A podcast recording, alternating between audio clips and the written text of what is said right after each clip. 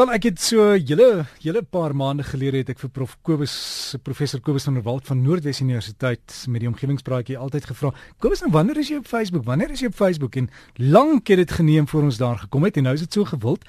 Jy kan self gaan loer as jy op Facebook is, gaan net daar en soek vir omgewingspraatjies, die meervoud, omgewingspraatjies en klik jy die like en dan is jy deel van die groep. En daar kan jy deel raak van die gesprekke en baie van die goed waaroor gepraat word word ook daar geplaas deur Prof Kobus. Gepraat van die omgewingspraatjie.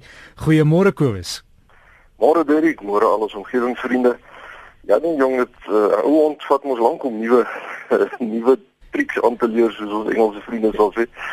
Ehm um, ek ek persoonlik het maar gesukkel aanvanklik met die Facebook ding, maar ek moet sê ek geniet dit nou eintlik baie. En jy's nie spyt nie, né? Nee. Sê weer Derek? Jy's nie spyt nie. Nee nee nee nee, dankie dat jy so gesaanig het. Jy's welkom Chris. maar in alle geval, kom ons kom terug by vanoggend se onderwerp. Ek begin met 'n brief wat ek ontvang het van ene Judith. Sy het nou ongelukkig nie haar van gegee nie. Maar sy is 'n oud pik en sy skryf sy het nou gehoor van die universiteit se uh, sukses met die sonkar wat onder leiding van professor Albert Helberg, een van ons elektriese ingenieursprofies hier by die pik uh, so goed gedoen het. En sy wonder of dit moontlik is om 'n sonketel te bou.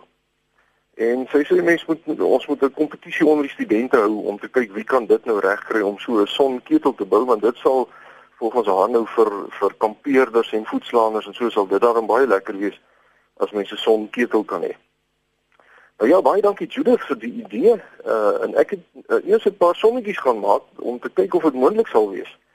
En as ons nou kyk hoeveel elektrisiteit 'n ketel gebruik, nou natuurlik is daar verskillende soorte en groottes en goeders, maar 'n gemiddelde ketel vol water gebruik so ongeveer uh, 1200 watt en dit neem omtrent 2 minute lank om die water dan te kook. Nou as ons hierdie hoeveelheid elektrisiteit met sonpanele wil verskaf, dan beteken dit dat ons teen die huidige effektiwiteit van sonpanele en dis ook 'n gemiddelde syfer wat ek nou maar geneem het, 'n area van nagenoeg 5 vierkante meter se sonpanele nodig gaan hê as die son nou op sy maksimum skyn in die middel van die dag om so 'n ketel vol water te kook.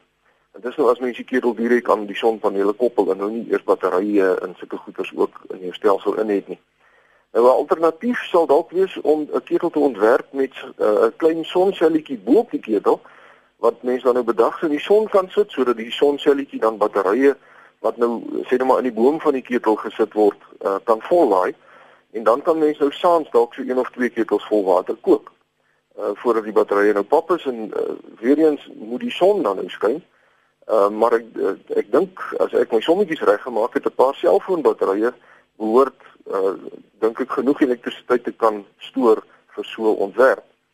En 'n derde moontlikheid is om direk van die son gebruik te maak en 'n paraboliese spieël te maak met die ketel dan nou in sy fokus, amper soos 'n sonstoof of dan 'n vergrootglas wat op die ketel skyn.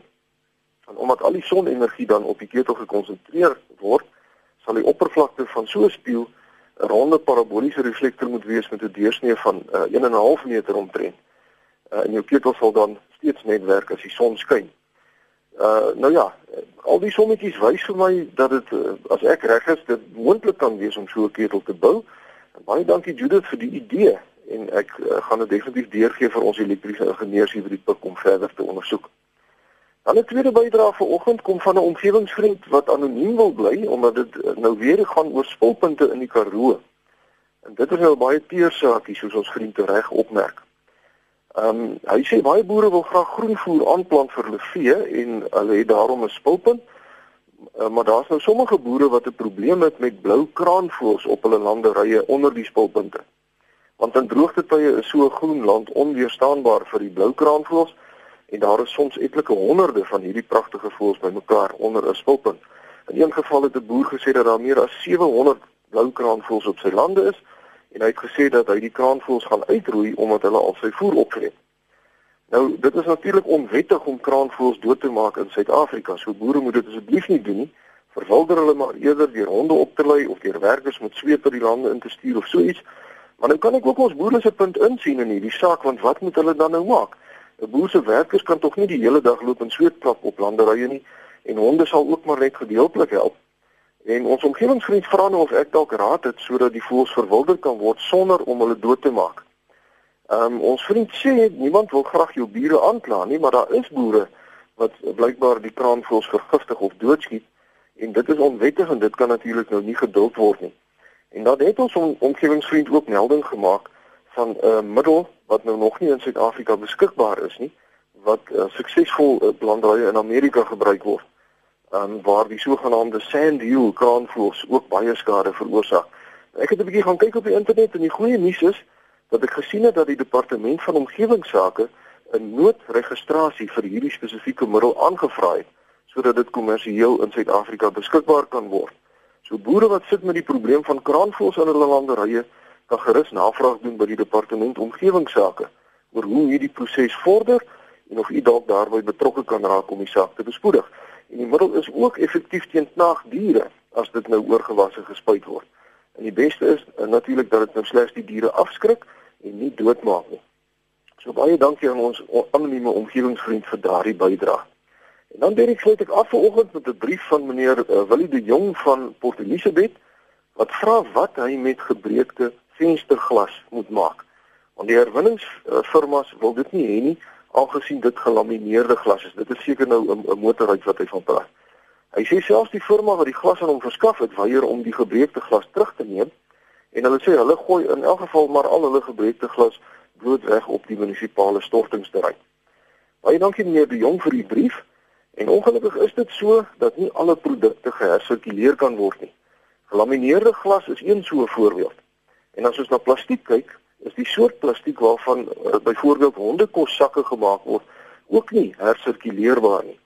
Ons moet in sulke gevalle maar die feit aanvaar dat die mense tegnologie beperkings het en dat daar ongelukkig sekere goed is wat bloot weggegooi moet word. Die mense tegnologie is nog baie ver van die natuur af waar elke liewe atoompie in 'n siklus is wat by herhaling hergebruik of gehersirkuleer word.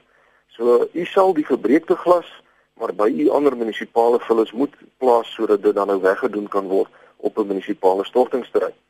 Die troos wat ek daarom altyd het is dat by verre die meeste plastiek en glas en metaal en papier in ons huise wel hersirkuleerbaar is. En solank ons almal getrou hersirkuleer wat ons kan, is daar hoop vir die toekoms. En daarmee sluit ek af vandag. Ons omgewingsvriende kan gerus vir my skryf by kobus.vanderwalt by nwu.ac.za of soos wat jy gesê het Derrick omgewingspraatjies se Facebookblad kan besoek word vir meer besonderhede. En dan wil ek net laaste sê dit het nou so hier en daar 'n bietjie gereën in die opvanggebied van die Vaaldam, maar ons gaan teen vriende moet tog asseblief groot groot asseblief die water spaar so al wat hulle kan want as die Vaaldam leegloop voordat dit oordentlik reën gaan dit 'n ramp afgee waarvan die gelyke nog nie in Suid-Afrika gesien is nie. Want waar gaan mense dan water kry vir al die miljoene mense? En met hierdie ernstige beroep groet ek tot 'n volgende keer. Beste wense vir almal. Kobus baie dankie. Ek het net 'n vraag jy, jy ken al die omgewingsgoed in die val dan veral dis dis so groot gebied en ek weet ons moet reën kry in die opvangsgebied soos die Ermelo omgewing daarso.